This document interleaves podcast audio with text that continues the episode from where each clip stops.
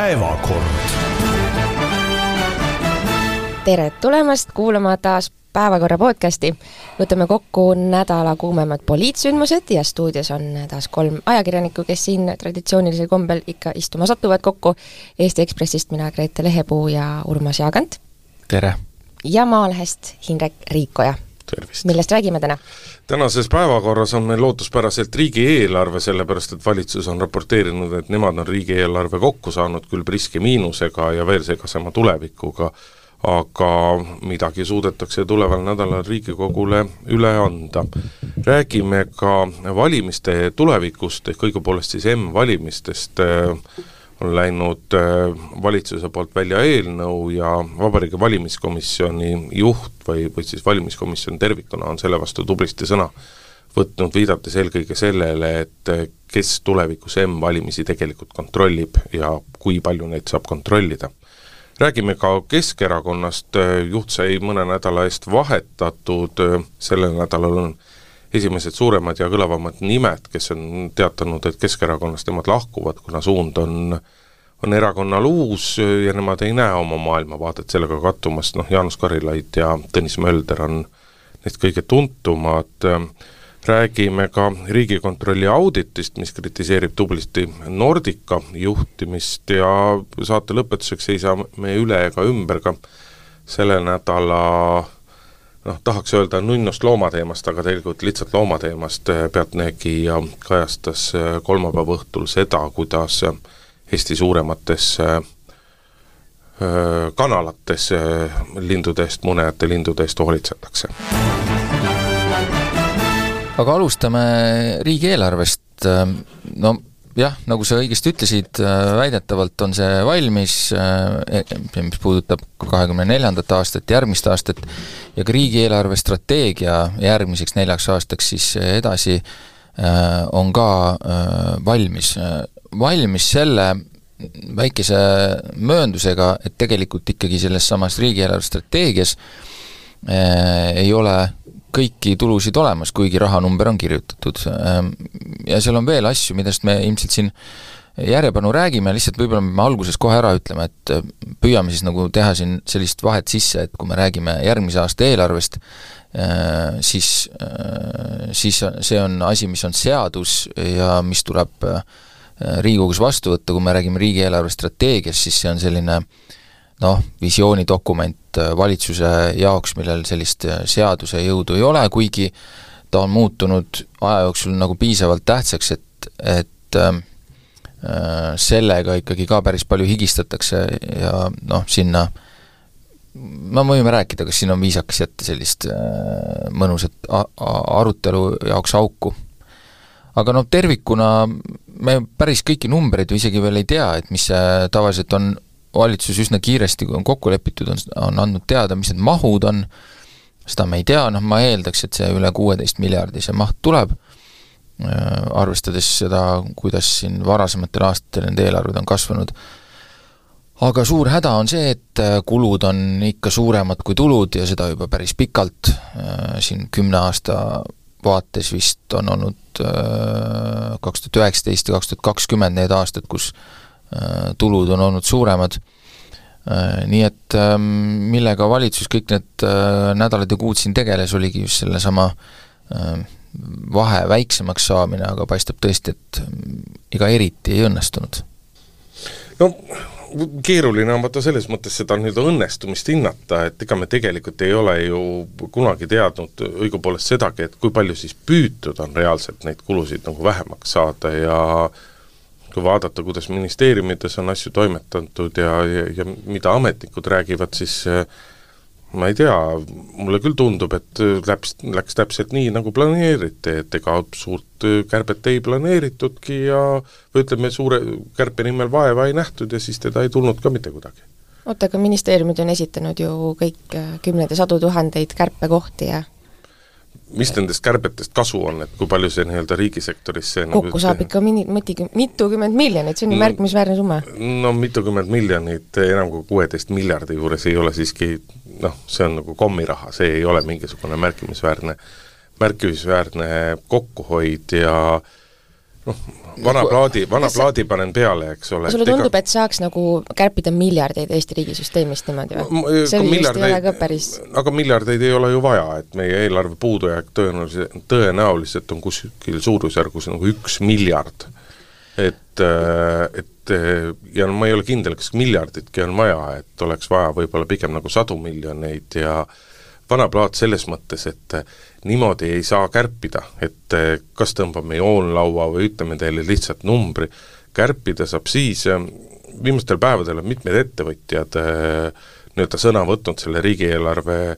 riigieelarve teemadel ja, ja asi, millest nad kõik räägivad ja asi, millest nad kõik alustavad, on sellest, et me peame üle vaatama, mis teenuseid ja mida riik teeb ja mida ta pakub ja sealt me peame alustama seda kärbet nii, ma, ma tahaks kohe mitu asja öelda selle peale, esiteks kui, kui midagi nagu kiituseks öelda, siis seda võiks öelda küll, et, et tegelikult ma olen nagu nõus, et äh, me peaksime oma riigiga olema praegu juba sealmaal, kus, kus me neid nagu äh, kulude kokkuhoiu asemel peaksime ikkagi otsima pigem nagu neid, seda, kuidas seda tulu suurendada, et et ma olen selles mõttes Gretega nõus, et ega selle nende kolmekümne ja enama aasta jooksul no tõesti, mina ka ei usu, et meil on jäänud nagu kuhugi süsteemi teenuseid või asju, äh, mis on väga, võtavad väga suurt raha ja mida me nüüd saaksime avastada, et tohoh, see ka siin veel istub, et äh, äkki ei peakski äh,, selle võiks ju vabalt ära kärpida siit.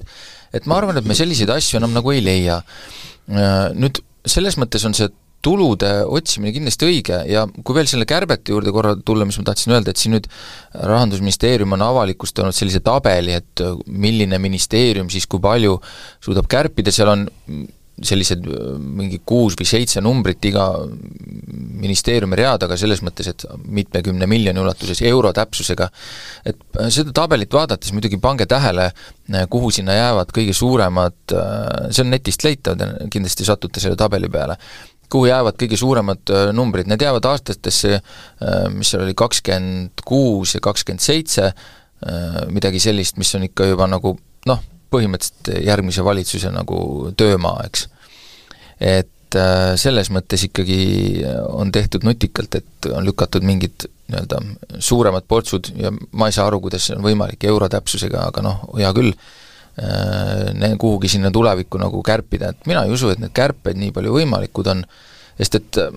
tõesti, need teenused, no me nägime seda ka sellest eelarveprotsessist, et et tegelikult ikkagi ei leita ju teenuseid, mida meil ei ole nagu vaja. et äh, võib-olla on, võib-olla on siin nagu mingisugust parandamisruumi, peaaegu alati on, mingeid asju kohendada, seada mingeid prioriteete, kus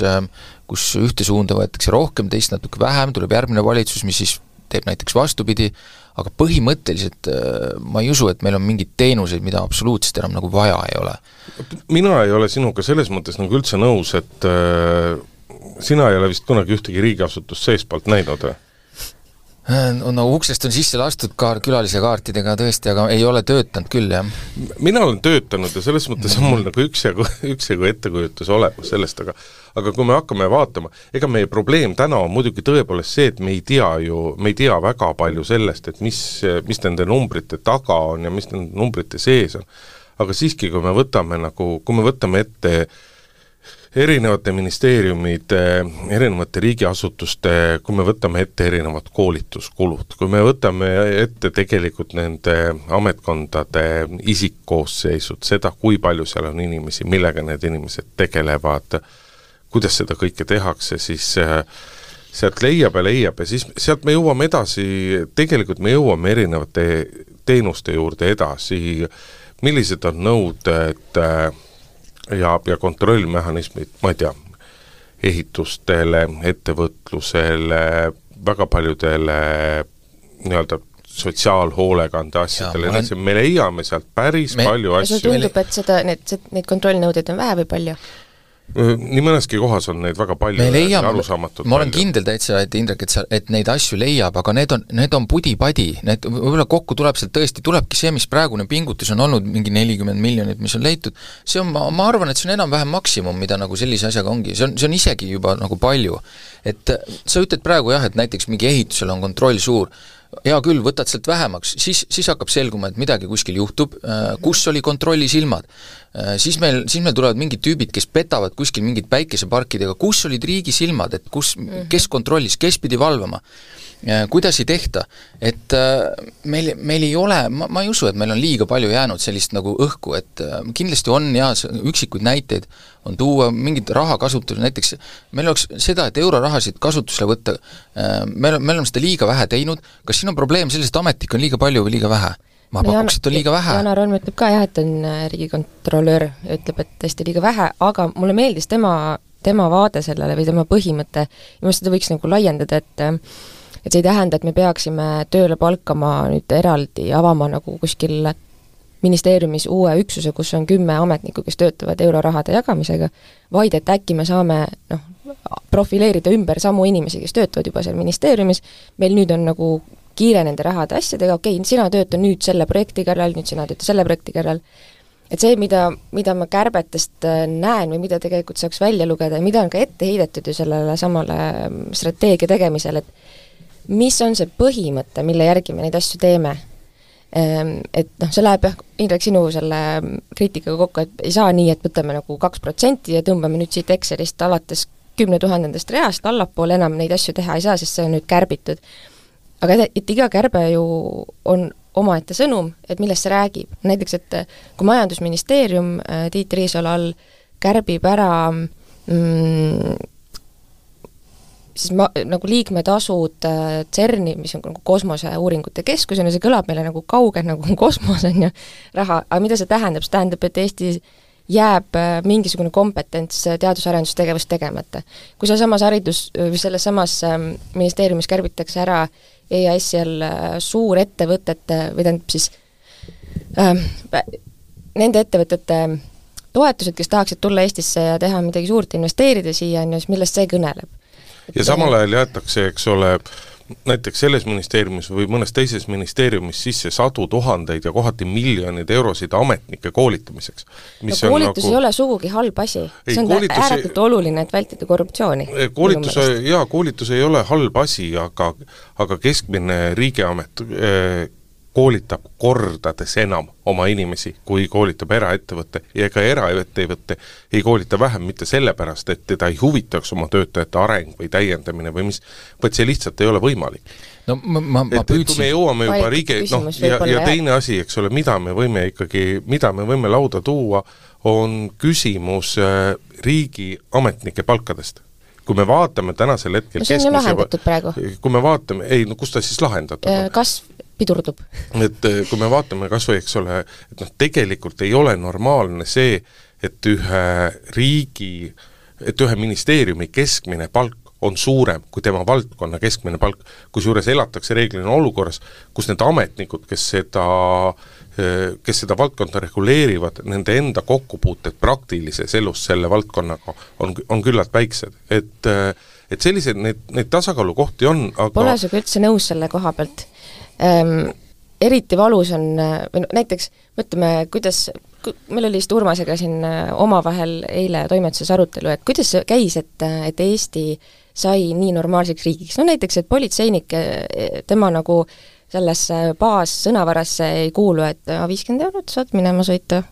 ja unustame ära, et sa purjus peaga roolis olid. ehk et kuidas me, kuidas on Eesti suutnud nagu korruptsiooni välja juurida? ja tõenäoliselt sellepärast nad maksavad politseinikele inimväärset palka kuidas on üldse korruptsiooni tase võrdle, nii madal? aga võrdle, aga võrdle politseinike keskmist nii... palka ja võrdle Siseministeeriumi keskmist palka ja võrdle seda, kuidas on kasvanud ühe koha keskmine palk ja kuidas on kasvanud teise koha keskmine palk. no no alati see ei see, ole ju, noh, see ei ole tegelikult ju adekvaatne. jaa, aga, aga see, see jutt ka ei ole adekvaatne, et ärme nüüd koolita inimesi ja, ja ärme anna neile inimestele palka, sest riigiametnik ei tohi, tal ei tohi olla seda ahvatlust, et ta äh, langetab mõne otsuse selle järgi, kus ta rohkem rahalõhna tunneb. ja kui see rahalõhn tuleb mõne ettevõtja laua pealt, siis ongi meil minu, keskmine minu... ametnik ei saa langetada, keskmine ametnik ei saa langetada selliseid otsuseid, mille eest tal oleks võimalik võtta tohutult altkäemaksu, et see on suur, et see on, see on, see on suuremas süsteemis, see on organisatsioon Te läksite kohe väga detaili, ma saan aru, et minu nagu väike plaan, niisugune kaval juhtida juttu sellele, et me räägiksime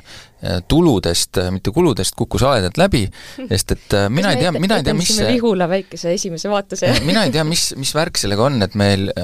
me, kui me räägime oma riigi asjadest, me tõmbame kohe nagu pea kõrvade vahele, et me peame nagu ikkagi ennast nagu väiksemaks tegema, väiksemaks tegema, et et äh, ei, et räägi, et kui me, kui me oleme noh, okei okay,, me ei jõudnud siin kokkuleppele, kas meil on asjalikud kulud või mitte, aga noh, oletame, et on, kõik peale Indreku võib-olla ütleme niimoodi, et arvavad niimoodi, et oot-oot-oot-oot no vot, näed, väga tüüpiline, Urmas vist hakkab poliitikasse minema, sest et, et tema nagu avaldused on sellised nagu üldistavad, ma ei taha öelda, et kõik kulutused on ma ei taha öelda, et kõik kulutused on põhjendamatud, ei ole põhjendamatud ja mul on, ja mul on nagu, mul, mul on nagu valus ja jabur on kuulata seda, kuidas ma jälle kuulen ühe esimese asjana seda, et hakkame lastetoetusi muutma, et hakkame, hakkame seda, seda jälle te lähete, jälle te lähete sinna kärbetesse, no jätame Aga... need kärped, räägime, räägime nagu sellest, et kas me, kas me riik on võim-, kas me oleme kas see eelarve on leidnud midagi, kuidas meie riik saaks nagu tulusid suurem, ma ei pea siin silmas ainult seda, et me kogume rohkem maksu, vaid et näiteks mingit maksu laekuks rohkem või et midagi, et kas kas me niisugust asja oleme sealt näinud, mina ei ole näinud. et äh, ainus asi, mis on suudetud nagu ikkagi välja mõelda jälle, on, et me peame äh, mingisuguseid üleüldisi makse ikkagi nagu tõstma, aga et, äh, aga et kuidagi loomutasa mingid asjad nagu tooksid meie riigile rohkem sisse, äh, et me ei peaks nii palju higistama nende mingisugune kaks viiekümne kärpimisega mõne politseiniku palgast, et kuidas, kuidas me nagu sinna ikkagi nagu ei jõua, kas meil on ideed otsas või millest asi on, kui meil ütleb äh, Mart Võrklaev, rahandusminister, ütleb, et aga selle, selle eelarve äh, siht on majanduskasv, väga tore. Mm, -hmm. et äh, kui ma olen metsa eksinud, siis minu siht on samamoodi metsast välja jõuda see, see on minu siht, ainult et kuhu suunas ma pean minema, mul ei ole aimugi, kui ma olen eksinud. et, et see siht on väga hea, et äh, ma olen täitsa nõus, et see majanduskasv on nagu äh, eesmärk, ainult et kuidas siis? ei no eesmärk, eesmärk küll, aga kas riigieelarve toetab kuidagi selle majanduskasvu tekkimist, see on nagu see suur küsimus, millele me tegelikult eh, eelarvest nagu väga palju vastuseid ei no me pole seda veel ka näinud, aga, aga aru no, küll ei ole saanud, jah? jah, ühest küljest ei, me ei ole seda näinud, aga samas on, eks ole, et eh, nii peaminister, nii Võrklaev, rahandusminister Võrklaev kui paljud teised minist-, eh, ministrid on ju kohtunud ja poliitikud on kohtunud äh, valdava osa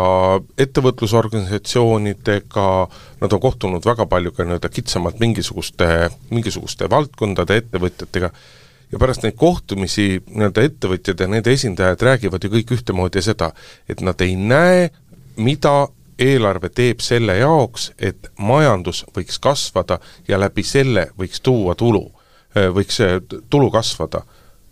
ja, ja see on kõige, ja see on kõige suurem probleem. ja see on, see on kõige tähtsam asi, millest me peaksime, millest me üldse peaksimegi nagu rääkima, et ega ega kuskilt mujalt seda ju tulu nagu ei tule, kui, kui ettevõtted, kes loovad nagu mingit väärtust äh,, uusi asju äh,, noh, asju, teenuseid, mis iganes.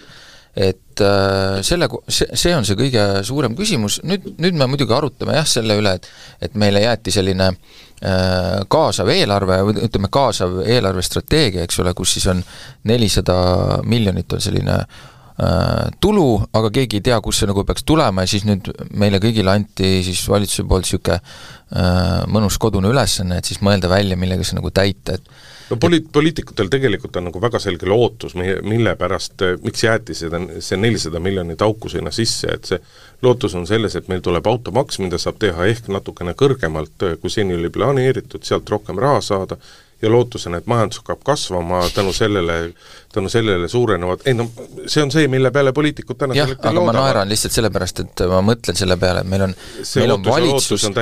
meil on valitsus, kes ma ei tea, istub, istub siis pöidlad peos nagu seal äh, kabinetiistungil ja mõtleb, et kas täna juba läks paremaks, et äh, aga, aga aga mida see eelarve tegi selleks, et lä-, läheks paremaks, noh küllap sealt leiab ka asju,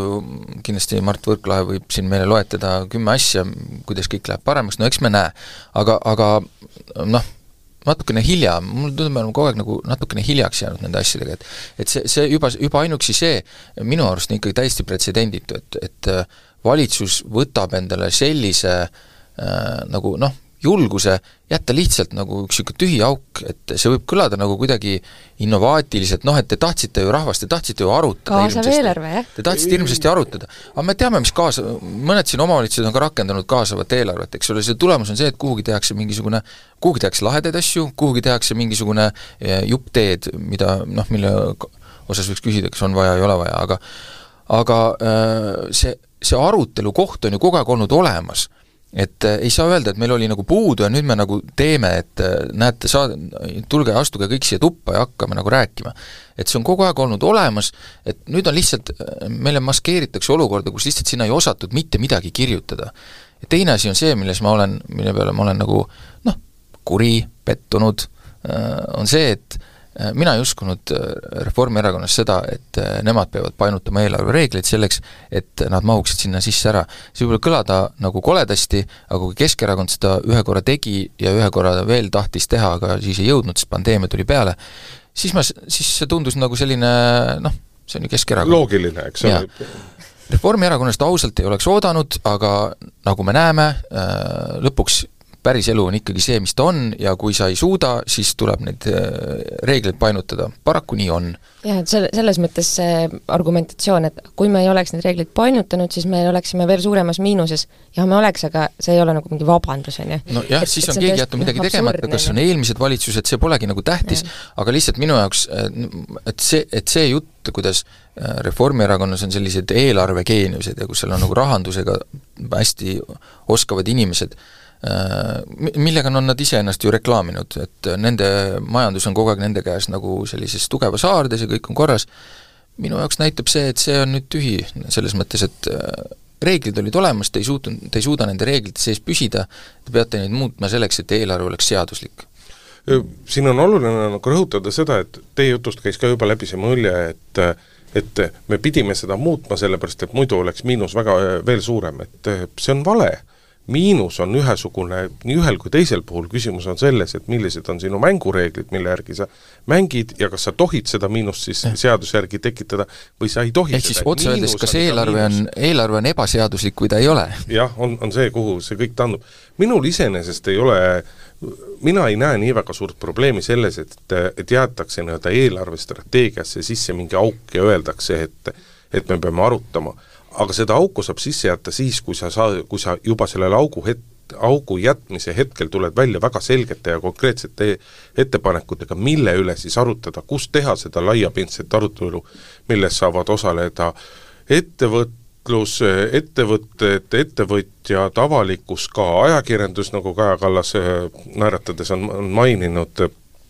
aga, aga seda ei ole ja, ja seda on selles mõttes on nagu Reformierakonna puhul nagu poliittehnoloogiliselt nagu pentsik vaadata, et et mida või keda Reformierakond siis praegu nii-öelda võluda püüab või, või kelle eest ta seisab, et nagu sa ütlesid, nad on kogu aeg öelnud, ettevõtlus, see on meie, meie seisame, eks ole, liberaalne turumajandus, ettevõtete heaolu, ettevõtjate heaolust, et sealt kasvab, tuleb lisandväärtus. ei no kus nad siis seisavad? pankade eest seisavad päris ei no, ei no selles mõttes ikka seisavad, et, et üks variant ju on ettevõtete tulumaks ja selle osas ma saan aru, et on suur ei mm. -hmm. et, et, et selles mõttes nad ikkagi nagu seisavad, muidugi me võime Oodake, öelda, et, et kas millegi ärahoidmine, noh, no eks, eks ta on tegelikult selle eest seismine ikka, aga aga jah, no ma olen põhimõtteliselt nõus, et jah, et, et äh, arutada võib, et aga peaks olema plaan, aga ma arvan, et siin on üsna selge, mis, mis need variandid saavad olla, et kui meil on neljasaja miljoniline klots, siis äh,, siis võib arvata, et see saab olla kas käibemaks, tulumaks, sotsiaalmaks, mingi, või siis mingid uued maksud nagu vara, varamaks, Äh, või siis mingi kombinatsioon nendest kõigist, mille siis võib pärast nimetada milleks iganes, näiteks laiapindseks riigikaitsemaksuks või milleks iganes. et e-, ega, ega sellist summat ei kogu kokku mingistest äh, paadimaksudest või väikestest asjadest. see, see peab olema mingi korralik kolakas ja need asjad on meil teada. nagu ma ütlesin, käibe, tulu, sotsiaal. aga kas see, kas need Need, mis sa juba mainisid, need on ju mingile muule reale kirjutatud, et see nelisada ei no need, mis on tehtud, ega, ega see ei tähenda, et meil ei võiks tulumaksutõus tulla, tulla veel juurde näiteks. et me väga pikalt oli meie tulumaks siiski kakskümmend kuus protsenti ja käibemaksu võib ju tõsta ka kahekümne neljale või kahekümne viiele või kahekümne kuuele protsendile. ma selle Reformierakonna jutuga tahtsin jõuda selleni, et noh, meie võime siin arutleda, kas seisab ettevõtjate eest või mitte, aga tänasel hetkel nagu ettevõtjad ja ettevõtlusorganisatsioonid on küll üksmeelsel seisukohal, et ei seisa nagu ettevõtluse eest. ja tei-, ja, ja, ja teise käega justkui Reformierakond ei näe vaeva ka mitte, ei näe vaeva mitte ka nagu noh, nimetame teda siis lihtsaks inimeseks või, või tavalise inimese hääle pärast, sest et kui Reformierakond ikkagi sõnaselgelt on ju täna tegelikult välja öelnud, et selle neljasaja miljonilise augu täitmiseks oleks nende hinnangul kõige parem mingi laiapindemaks, ehk siis nä-, eelkõige käibemaks. no mis ma rääkisin. siis see on ju, siis see on ju asi, mis nagu, mis kõige valusamalt tabab just, et mida ma-, madalam sissetulek, seda suurem mõju eh, käibemaksu tõusul sinu kulutustele ja sinu elujärjele ja nii edasi. mul on muidugi selles mõttes, on selle neljasaja miljoni eh, see auku pärast muidugi hea meel, et ma rääkisin juba siis, kui valitsuskoalitsioonis kokku pandi, et, et oodake, oodake, et kõik see, mida praegu tehakse, et sellega ju kaetakse ära ainult Reformierakonna maksuküüru kaotamine. aga riigikaitse, kõik need küsimused, need jäävad lahendatuseta ja me näeme uut maksu ja nüüd see sisuliselt tulemas ka on. ma mäletan, sa vist tõesti ütlesid, ma oleks pidanud selle heliklipi igaks juhuks võib-olla välja otsima, aga ma, ma vist saan kinnitada, et tõesti Indrek seda ütles, jah. kõlab midagi sellist, mida ta võiks öelda. aga äh, kas Reformi, kuidas Reformierakonna sisekliima praegu on, sest kui ma ähm, mõtlen, Margit Sutrop on päris äh,, sai sugeda, et julges avalikult kritiseerida mm, hariduse, haridusvaldkonnast kärpimist, eriti, eelkõige siis kõrgharidusest äh, või teadustegevusest ähm,. Äh, Võrklaev minule üllatuseks äh, ütles ühes intervjuus või ühes artiklis, ma viidet kahjuks enam ei mäleta öelda, et et võiks tõesti mingile varamaksule võib-olla mõelda. no see on sotside jutt eelkõige olnud, et no, jaa, aga no Võrklaev on, ju Reformierakonnast, on ju. ja samuti äh, Maarjo Kadastik, kes küll jah, nii, nii suurt kaalu tal ilmselt nendes läbirääkimistes ei ole, aga siiski Reformierakonna fraktsiooni liige äh,, ka, et tema on ikkagi täiesti äh, hämmingus ja tema käsi ei paindu hääletama eelarve poolt, mis äh, astub tagasi sellest äh, kokkuleppest, et teadusele antakse üks protsent, on ju. Ähm, et praegu see, sellest vist ju ka astutakse tagasi, et et see mm, no väidetavalt ei astuta, aga, aga me ei tea täpsemalt mm, -hmm. no väidetavalt ei astuta jah, aga noh, eks noh, õpetajad siin ju juba ähvardavad jällegi nagu streigiga, eks ole, et äh, mis on ka arusaadav, sest et äh, kui, kui on, kui sulle öeldakse, et äh, saate siin mingi paar protsenti nagu palgatõusu, siis see võib-olla ei ole see, jah, alati saab öelda võrdluseks, et näed siin ma ei tea, politseinikud, päästjad või vist, ma saan aru, ei saa üldse midagi juurde, et aga noh, selline paar protsenti palgatõusu, noh, selles mõttes, et inflatsioon on sellega hakkama saanud juba ülehomseks ilmselt, et see ei ole mingisugune noh, sisuline nagu palgatõus kuigi noh, eks ta, ta on nagu selles mõttes abiks, et äh, natuke aega aitab, on ju. seni, kuni inflatsioon jälle nagu mööda tõuseb, edasi tõuseb. aga tervikuna ma ei oska öelda, kas, kuidas Reformierakond selle, selle asja sisse vaatab, selle, nendel on alati võimalik selle koha peal öelda, et aga me oleme nagu võimul, eks, et ega ma näen ka natukene selles, selles samas, nagu sa ütlesid, Indrek, et äh, kuidas on öeldud, et noh, et lööge kõik kaasa selles, äh, ka ajakirjanikud ja kuidas Kaja Kallas ütles, ma näen selles natuke sellist, sellist suhtumist, et noh, et nagu kritiseerima olete kõik nagu kõvad, on ju, aga no pakkuge nüüd siis ise midagi välja. ja kui te nüüd siin ei ole kahe kuuga midagi välja pakkunud, siis me ütleme teile, et no vot, ei tulnud teilt ka midagi. aga meil on mingi idee, näed, ja siin on, ma ei tea, käibemaksu, tulumaksu veelkordne tõstmine või midagi muud sellist. ühesõnaga, ma, ma tajun seal natuke sellist, äh, sellist suhtumist, et ärge õpetage, vaid näidake siis, et te ise ka midagi oskate. ma ei tea, kas see on meie ülesanne näidata, et ma just tahtsin ka, et me oleme maksame nagu neile selle mm -hmm. eest. me oleme nagu palganud tööle selleks inimesed, kes võiksid oma tööd teha, on ju. mis edasi saab selle riigieelarvega, kas õnnestub hakata EKRE-l äh, torpedeerima seda riigieelarve vastuvõtmist, kas riigieelarve võib saada riigieelarve abil võib et-, esile kutsuda erakorralised valimised, kui sellega nüüd järgmised viis kuud, või noh, õigupoolest tegelikult ütleme kuskil neli pool kuud nagu venitada, et märtsi alguseks riigieelarve kinnitatud ei ole.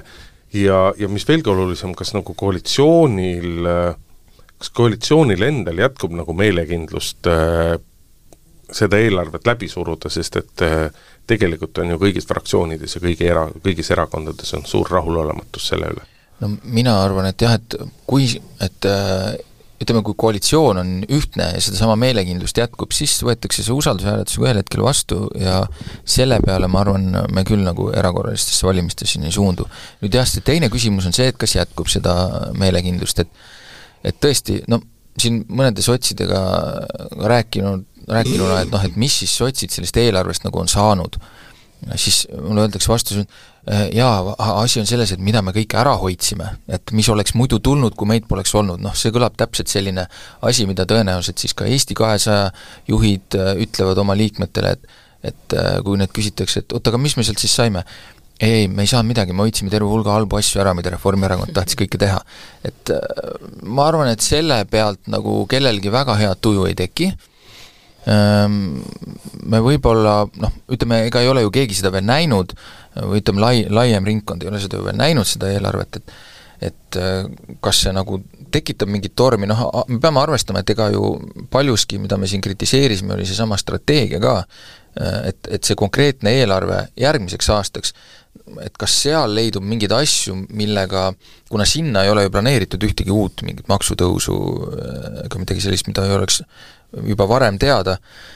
et äh, kas sellega võib tekkida mingi probleem, no ma arvan, et pigem järgmise aasta eelarvega ei teki. et äh, kindlasti seal leiab mingeid vaidlemiskohti, keegi, keegi on natuke morn mingi koha peal, aga Reformierakonna, selle koha peal see ikkagi nagu peab. Reformierakonna kasuks räägib see, et äh, et kui nad koalitsiooni vaatavad, siis sotsid võivad olla rahulolematud, aga neil ei jää mitte midagi muud üle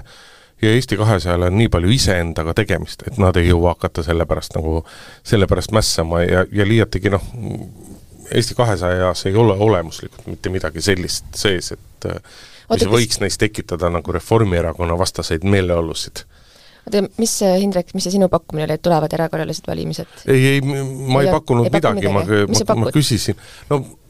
mul on nagu, ma, ma võin sellest eesmärgist aru saada, aga nagu ma vale, varem olen rääkinud, mul on väga keeruline ette kujutada, et jak-, et jagub äh, kas opositsioonilt tervikuna või siis EKRE-l üksinda nii palju jõudu, et nad suudaksid, füüsiliselt, et nad suudaksid nii kaua obstruktsiooni teha, et äh, noh, neli pool kuud minimaalselt mm, -hmm. see on noh, ma ei tea, noh, noh, saadikud peavad ju parlamenti kolima ja oma pere kõik ära unustama ja et, et see lihtsalt on nagu praktikas ja noh, mingi hetk saab ikkagi fantaasia otsa ka, kui sa arupärimisi, seaduseelnõusid ja mida kõike muud ette, ette võtad ja, ja venitad ja see lihtsalt on nagu väga keeruline mängu ilu pärast ma peaks nagu mingi muul arvamusel olema vist, aga ma ei taha, ei taha ka mitte. Äh, mina hakkasin hoopis mõtlema selle peale, et mm, et Keskerakond et iseenesest mina erakorralisi valimisi juba tahaksin küll. tahaksid, jah? jah, sellepärast, et kas sa valiksid teist, ma ei küsi, keda sa valisid, aga kas sa valiksid nagu teistmoodi või? või sa arvad, et lihtsalt nüüd rahvas ei, mina tõenäoliselt isegi väga teistmoodi ei valiks, aga lihtsalt äh, ma, ma ei näe tänasel hetkel äh, mitte midagi, mis võiks äh, mis võiks seda nii-öelda patiseisu Riigikogus muuta, mis võiks muuta kogu seda seal, seda välja kujunenud nagu õhkkonda ja kõike seda, et ma lihtsalt ei kujuta ette, et järgmise kolme poole aasta jooksul võiks Riigikogu nagu normaalselt töötada. aga ega neil ei ole väga palju ju võimalust olnud nagu leppida ja harjuda? on, ei, ei, seda võimalust leppida ja harjuda on olnud väga palju, aga ei ole olnud mitte mingisugust tahet leppida no, ja harjuda. ja see on asja nagu, ja see on lihtsalt asja nagu, minu arust see asi, asi ja need suhted on lihtsalt juba keeratud nii hulluks, et siit ei tule nagu mitte keegi, et siit ei ole noh, piltlikult öeldes ei Reformierakond ega, ega, ega EKRE ei ole valmis astuma sammukest tagasi, aga selle jaoks, et olukord laheneks, peavad mõlemad mina, astuma sammukest. mina ütlen selle peale, et harjuge ära, et me olemegi selles olukorras, kus nii hakkabki selles mõttes olema, et äh,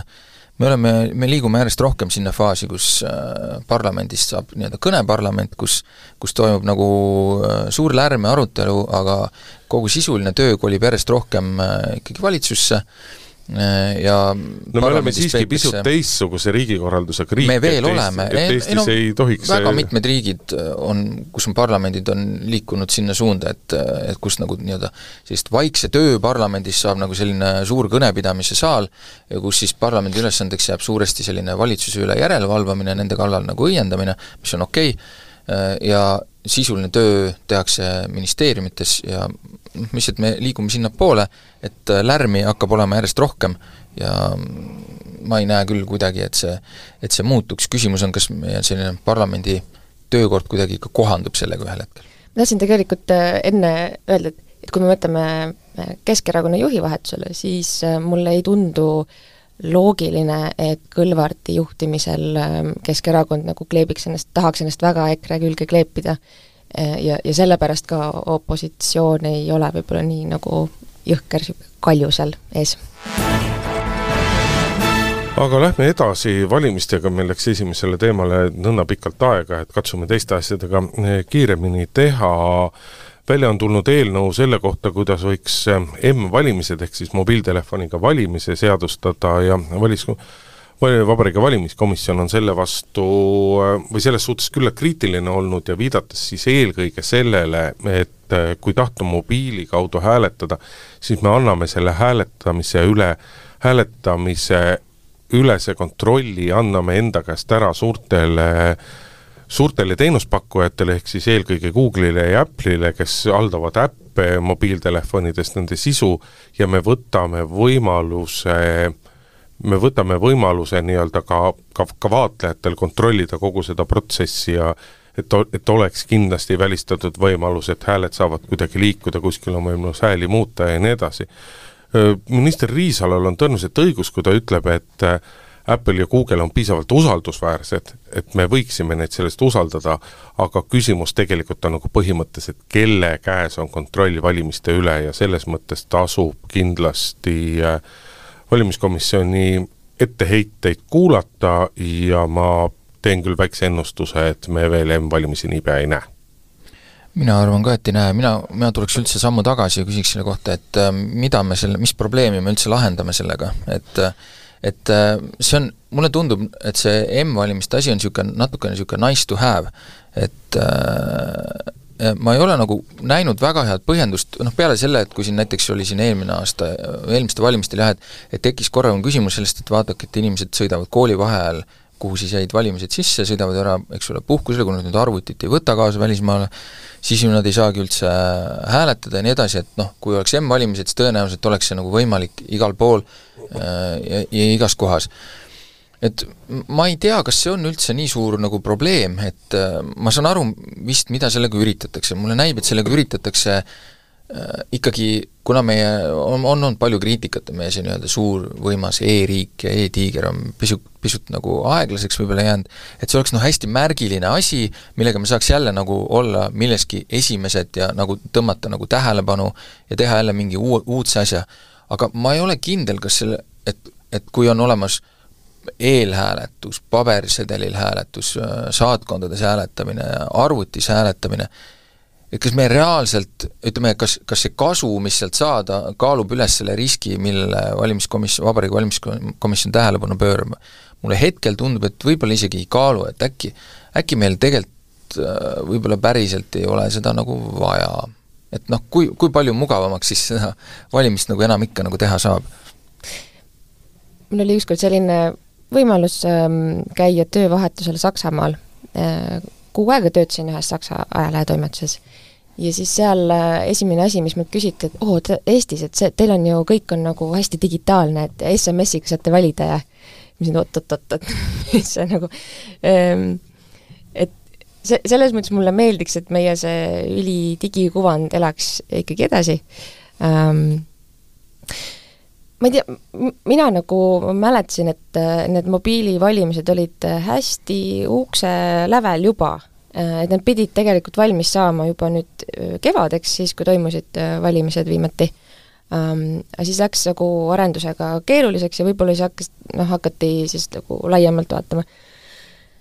oh, ega meie ju ei ole siin nagu eksperdid, me ei oska tegelikult lõpuni välja hinnata, kui suured need riskid ikkagi on äh,, minu jaoks nagu kummaline tundub see arutelu umbes, et et äh, noh, et kui sa tahad nagu kontrollida, kuidas su hääl äh, läbi läks, et siis sa võtad oma sõbra telefoni ja sealt kuidagi logid sisse ja vaatad ja siis äkki su sõber umbes ütleb, et kuule, muuda oma hääl ära. no ma ei tea, see ei ole nagu erinev kuidagi arvuti või mobiili vaatest Minu..., et nagu kõik argumendid seal ei päde ja mulle meeldiks mõelda ähm,, mulle meeldiks see, et, et see ligipääsetavus oleks maksimaalselt suur, jah, see, nüüd ongi see riski küsimus, millele sa viitasid, et kas see kas see noh, demokraatlik järgmine samm nagu kaalub seda üle, aga mõelge seda, et näiteks meie tööd, ajakirjanike tööd on ju siin Delfi meedias, enam kui pooled loevad mobiiltelefonist. milles veedavad aega lapsed oma, näiteks ma käisin eelmisel aastal lõpetamas ajakirjandust gümnaasiumis. mulle tehti kodutöid mobiiltelefonis. Inimestel ei ole enam läpakaid ma ise pidin nagu kraamima välja mingisugused oma ID-kaardid ja asjad, sest et nagu ma ei ole harjunud enam tegema neid asju, et kõik muud asjad on liikunud meil nii mugavaks ja käepäraseks ja mobiiltelefoni ja ma saan sellest kõigest aru, mind, mind lihtsalt natuke teeb murelikuks ja võib-olla ma oleks olnud vähem murelik äh, siis, kui poleks olnud ühte juhtumit. ma tean, see kindlasti spetsialistid ütlevad, et see on täiesti ebapädev näide ja siin on tuhat nelisada kolmkümmend kolm erinevust,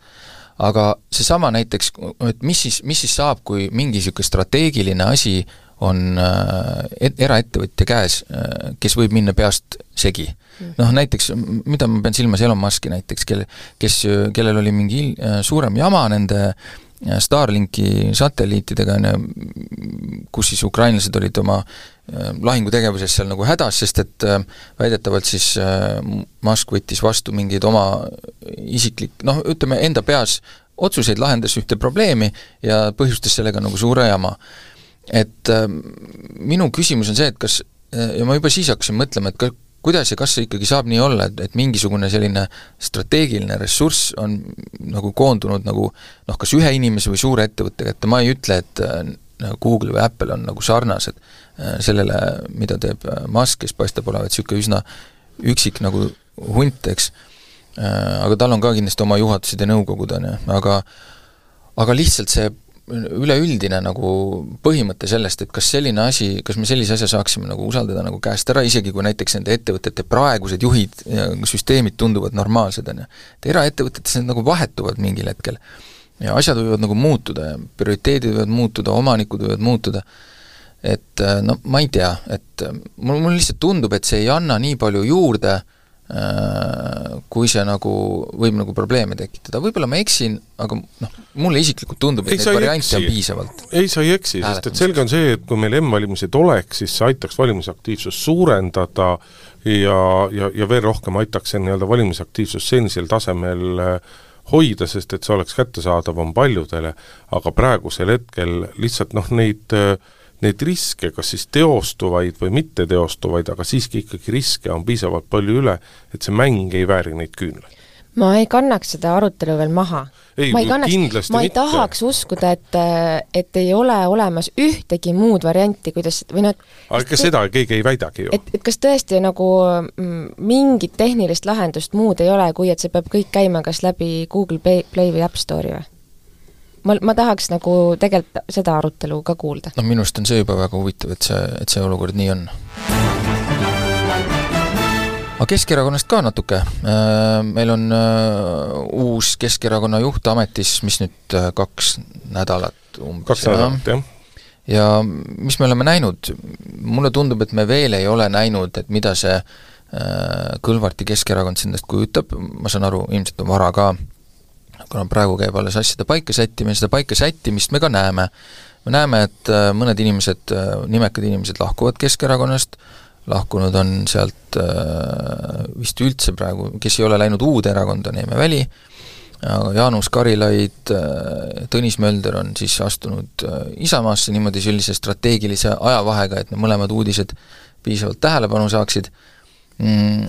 ei tea, kas neid lahku ma ennustan, et üks-kaks inimest fraktsioonist tuleb veel, võib-olla tuleb veel, ähm, no siis ähm, mis, mis me siis nagu saame öelda, et, et tavaliselt kui, kui kuskil juht vahetub, siis alati on neid, kes, kes ei ole rahul kas juhi isikuga või selle nii-öelda oodatava visiooniga või selle oodatava muudatusega, mis tuleb, ja siis kindlasti on ka lahkujaid neid, kui see mingi visioon hakkab siis nagu teostuma, et ühesõnaga, selles midagi erakordset ei ole, kindlasti on ka lisandujaid, ähm, ühel hetkel ma usun, Kõlvart hakkab neid ka näitama, Äh, sest et noh, lihtsalt tasakaalustamiseks äh, oleks see hea talle maineliselt ka. aga ma ütleks, et midagi, midagi traagilist ju toimumas ei ole, need inimesed, kes on läinud Isamaasse, kui nüüd mõelda, siis nad oma profiililt ju sinna täitsa sobivad ja noh, ma ei tea. mina, mina äh, nautisin Taavi Eilati äh, küsimusi ka Jaanus Karilaiu Facebooki postituse all, kus ta siis no noris või ütleme, tögas Karilaidu, aga asja eest, et, et, et kuidas siis nüüd maailmavaade nii palju muutunud, et kas, kas enne sa siis ei seisnud selle astmelise tulumaksu eest ja kõigi nende sotsiaalsete asjade eest, mille eest Isamaa absoluutselt ei seisa, et või või et noh, mis need argumendid siis olid nagu, mis sinu, mis need väärtused siin, Isamaa väärtused siis kaaluvad üles kõik see, mille eest sa Keskerakonnas enne võit, võitlesid. et ähm, no Märg... aga, aga mulle tundub ka loogiline, vaadates Karilaiu senist tegevust või sellist, sellist olemist, et ta esiteks, et ta vahetab erakonda ja teiseks, et ta äh, läheb Isamaasse ja noh, müts maha, sõnapidaja mees, ta ütles, et kui Kõlvart äh, läheb juhiks, tema enam seal endal kohta ei näe. Rahvusringhääling on täna hommikul avaldanud värske Emori küsitluse, kus on siis juba ikkagi väga selgelt sees ka küsitluse perioodis, perioodiks oli Kõlvart saanud erakonna etteotsa ja seal Keskerakonna üldine reiting sisuliselt muutunud ei ole, aga väga selge muutus on täheldatud nii-öelda selle valijaskonna rahvuspõhilise või keelepõhise jaotuse osas, et eestlaste seas on, on ikkagi selgelt kukkunud Keskerakonna toetus ja, ja muukeelsete inimeste seas on see selgelt tõus-, tõusnud, ega see trend süveneb ilmselgelt ja, ja siin ei saa noh, midagi ei ole teha, see on see, mis ma, mis ma ka varem rääkisin, et et Eesti, et Eesti valija ei ole valmis selle jaoks, et meil tuleb nagu nii selgelt venekeelse taustaga inimene tuleb erakonda juhtima või tuleb peaministriks, et ja, ja tegelikult see kõik lõpuks, ka need lahkumised ju taanduvad suuresti sellele samale küsimusele. No see on nagu mingi ületramatiseerimine loomulikult, Mölder, Tõnis Mölder, kes teatas kas täna hommikul või oli see eile juba, et ta läheb ära ja jälle kuidagi seda nagu mingit sellist äh, ma ei tea, Russki Miri niisugune alltoon käib läbi. nagu miks me teeme seda, see, see ei ole ju tõsi. ei, miks ei ole? see ei ole ju tõsi. ei, aga miks see ei ole tõsi? Loomul... too mulle näide viimasest, ma ei tea, kümnest aastast, kus Kõlvart on nagu mingit Russki Mirri asja ajanud no sa leiad, võtame kas või kogu see venekeelset no vene koolid, hea küll, noh, okei okay, ei see..., aga, aga see on, aga see on väga oluline ja see on väga põhimõtteline küsimus ja see on, noh, ma ei, mina ei ütle, et on see nagu hea või halb, et ega lõppude lõpuks ajalooliselt me saame Vene... Keskerakonnale olla väga tänulikud selle eest, et Keskerakond on koondanud venekeelset valijaskonda ja seetõttu ei ole meil kas või Lätile või Leedu, noh Leedust me ei saa rääkida, seal on venekeelsete valijate osakaal lihtsalt niivõrd väike, aga võrreldes Lätiga, et noh, meil ei ole selliseid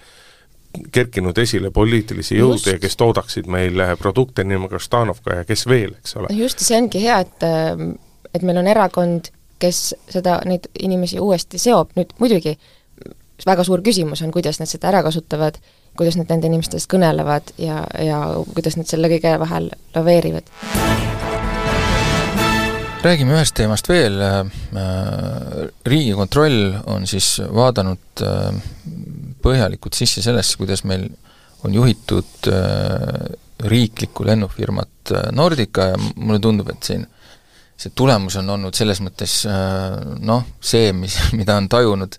vist äh, päris paljud, kes on seda äh, Eesti, Eesti riigi katsetusi lennundusega jälginud, et äh, riik ei ole osutunud, nüüd kasutan siis äh, Riigikontrolli sõnu, riik ei ole osutunud piisavalt osku-, oskuslikuks ega huvitatud omanikuks nii keerulises ärivaldkonnas, nagu seda on lennundus riigikontrolli arvates nappis Nordical kui ka seda teenindaval siis OÜ Transpordi Varahaldus, kellele siis kuuluvad põhimõtteliselt äh, lennukid ja muu vara, riigi omandis pidamiseks argumente äh, enne seda rahaliste raskuste probleeme ja napib ka nüüd. ehk siis mida Riigikontroll ütleb, ei ole erilist põhjust, miks Eesti riik peaks sellist lennufirmat pidama, mina küsiksin, kas üldse peaks. et seda on paljud küsinud äh,,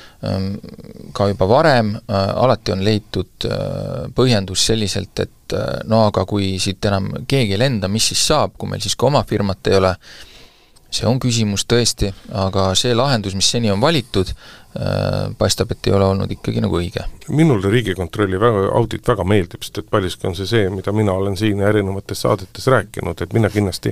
ei püstita küsimust, et kas Eesti eh, riigil on vaja lennufirmat, jah, Eesti riigil on vaja lennufirmat, aga küsimusele, kas Eesti lennufirma, Eesti riigile on vaja sellist lennufirmat, nagu praegusel hetkel Nordic on, siis sellele on vastus, et ei, sellist firmat, lennufirmat ei ole Eesti riigile vaja, et et oma korralik lennufirma, mis töötab küll võib-olla mõningase kahjumiga, aga ikkagi tagab meile ühendused võimaldab võimalikult hea ligipääsu, toob siia turiste, toob siia ettevõtlust, aitab Eesti inimesi välja viia, sellisest firmast on riigil nii otse kui kaude väga-väga palju võita. aga sellist lennufirmat meil tänasel hetkel ei ole, mida Riigikontrollile tuleks lisada muidugi, et, et ilmselgelt, mida riigil on ka nappinud, on ka sellist nii-öelda nagu järjepidevust. et äh, nii Estonian Airi ajal ennem seda kui ka nüüd Nordica ajal pärast seda, et noh, see, millise tuulelipuna on käinud otsused, on kohati ikkagi päris äh, noh, kurb tegelikult lihtsalt, et et kui te midagi teete, kui te midagi plaanite, kui te seate eesmärke, siis laske nendega ka tegeleda. Minule, ma, kui juba läksin, Indrek, nagu vanade mõtete kordamiseks, mina kordan ka oma mõtet, äh, mida ma äh, selle lennunduse osas olen öelnud, et mulle millegi, mulle tundub, et, et meil ongi olnud ja nendel kõikidel katsetustel alguses see plaan, et Eestist peab saama lennata, isegi kui on väike kahjum, aga mingil hetkel on tulnud need juhid, kes on hakanud näitama seina peale graafikuid, et tegelikult on võimalik võtta ka kuskilt, leida ka kasumit. Ja milline poliitik ei tahaks öelda, et minu juhitud valdkonnas, näete, mõtlesime kahjumit, aga, aga nüüd saame kätte hoopis kasumi, juhhei, äh, on see asi läinud lõpuks sinna, et on hakatud ikkagi rah-, jahtima raha ja selle, ja kasumit, mille tulemus on olnud noh, see, mis oli siis Estonian Airiga ja mis on ka nüüd, et ähm, äh, jah, ma arvan, et ma sest olen... et poliitikud ja ametnikud ei tunne valdkonda ja ei oska juhtida, nagu Riigikontroll meile ütleb. tunne, no võib-olla tunnevad, aga nend-, noh lihtsalt eesmärk muutub, et tekib tunne, et äkki on ikkagi võimalik siit saada kätte kasumit, no paistab, et siiski ei ole. et äh, ma olen ka nõus sellega, et kui, kui majandusminister ütleb, et et jah, me peame mingit lennufirmat, ta teenib äh, kahjumit äh,, Äh, aga tagab meile liinid, äh, kas me rahvana oleme nõus selle nagu kinni maksma,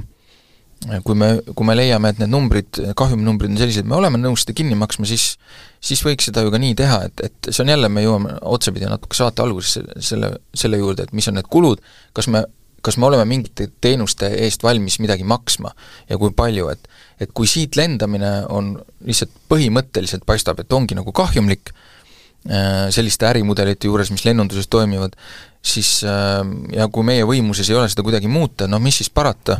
äh, kui me tahame neid mingeid liine hoida. et lihtsalt võib-olla jah, peaksime siin leppima sellega, et siit ei ole võimalik kasumit kätte saada, kui muul juhul, kui me ei tee seda, mida Nordica tegi, ehk siis Eesti lennufirma, mis Eestist kuhugi ei lenda. minu arust kõige kurbloolisem on see, et mitte keegi ju praegu ei vastuta. et äh, omanik äh, on riik, ütleme nagu siis äh, Majandusministeerium, Majandus-Kommunikatsiooniministeerium oleks pidanud andma siis selle ettevõtte juhatusel või, või nõukogule mingisugust nagu suuniseid, on ju, juhatus justkui nagu mingeid asju siis äh, ütles, et meil ei ole hästi, need nagu justkui jõudsid ka valitsusse, muidugi see periood kaks tuhat üheksateist kuni kakskümmend üks, kui neid valitsuses arutleti, mm, et noh, et mida teha, on ju, et äkki, et me ei ole nagu enam kasumis, et äkki peaks midagi ära lõpetama, ära otsustama, et see jääb sellesse ju pandeemia algusesse ja, ja raskesse aega, et arusaadavalt võib-olla siis ei olnudki aega mõelda niisuguste asjadele, aga et noh, et kes praegu peaks tulema ja vabandust paluma, et Eesti rahva raha on huugama pandud ja mitu, mitme aasta vältel ei ole seda märgatud, et niimoodi juhtus? ja kuidas me nagu, mis on nüüd siis järgmine see nagu see suurem järeldus, et, et kuidas me kuidas me enam selles, enam sellesse samasse ämbrisse ei astuks? ei oska öelda. aga saate lõpetuseks räägime pisut ka, räägime ka ühel looma teemal, aga mitte nunnu looma teemal, nädala nädala keskpaigas Pealtnägija avalikustas siis ühe loo, kus, kus loomakaitseorganisatsioon Nähtamatud Loomad oli teinud eksperimendi ja käinud siis nii-öelda salaja kaameraga nende üks aktivist oli ennast kehastanud töötajaks ja käis salaja erinevates lindlates sealset olukorda, olukorda filmimas ja, ja noh, tulemus ei ole, tulemusi ei ole kahtlemata nagu kena vaadata. aga küsimus on, et kas olukord on katastroofiline, täiesti talumatu, kas kõike on näidatud nagu täiesti objektiivselt või on seal nagu sellist pisut nagu võlli juurde pandud, nagu tihtipeale äh, loomakaitsjad siiski armastavad rahvusvaheliselt pisut nagu võlli juurde panna ja värve, värve jämedamate pintslitega määrida ja, ja kuidas kõige selle vastu saaks või on see nagu paratamatus, et kui puid raiutakse, siis laastud lendavad ja küsimus on see, et mille eest me tarbijatena oleme valmis maksma ja mille eest me ei ole? no antud juhul on ju laastud asemel lendasid tibud ja okei okay., no ma saan aru, kus sa sihid, on ju, et selle nagu tohutu emotsionaalsuse pealt, et kui me vaatame, kuidas neid tibusid, kes olid niigi haiged, siis neid nagu surnuks peksti, et nende piinad lõpetada ja nähtavasti ka Veterinaarameti või, või kuidas see ametlik nimetus on, et nende nende arvates ka selline eutaneerimine on nagu õigustatud, no see on täiesti nagu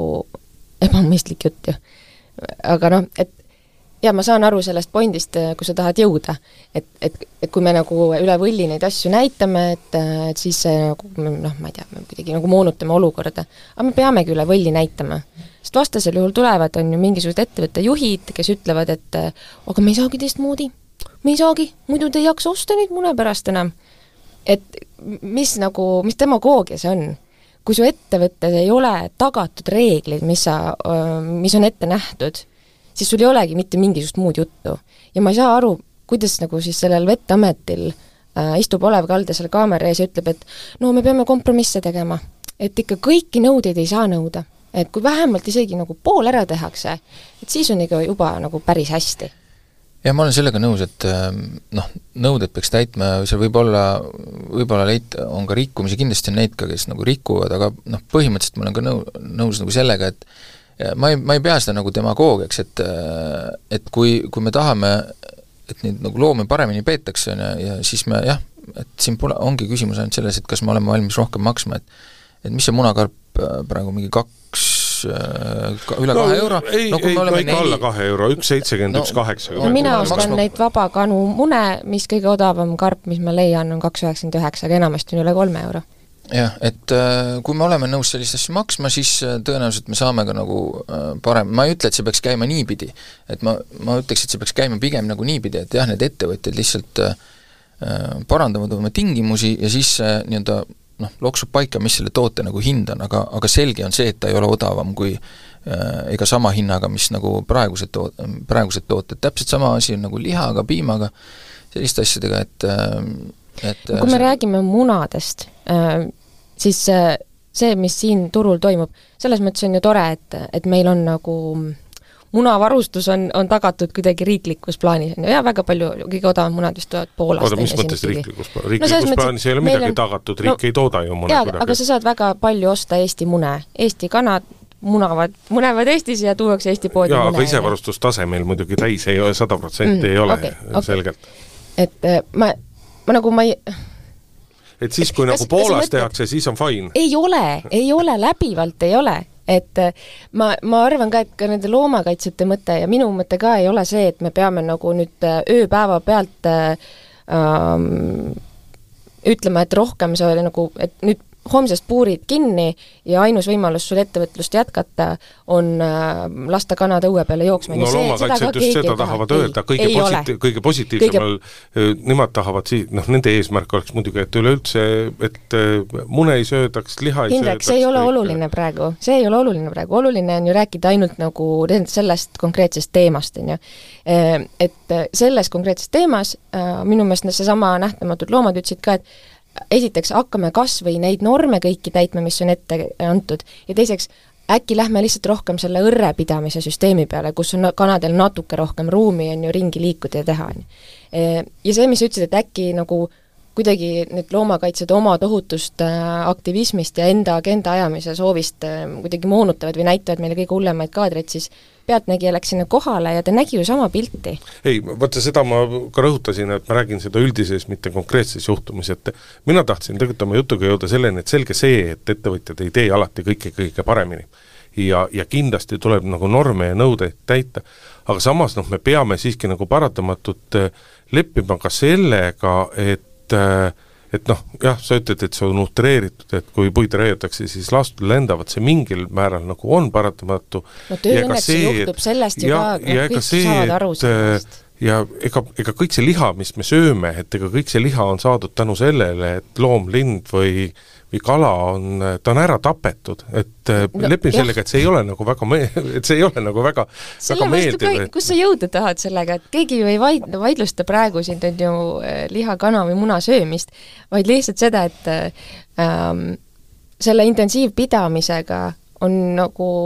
seda saab teha ju paremini, hakkame sealt pihta, ja teiseks, kas meil on vaja nii palju intensiivsust või et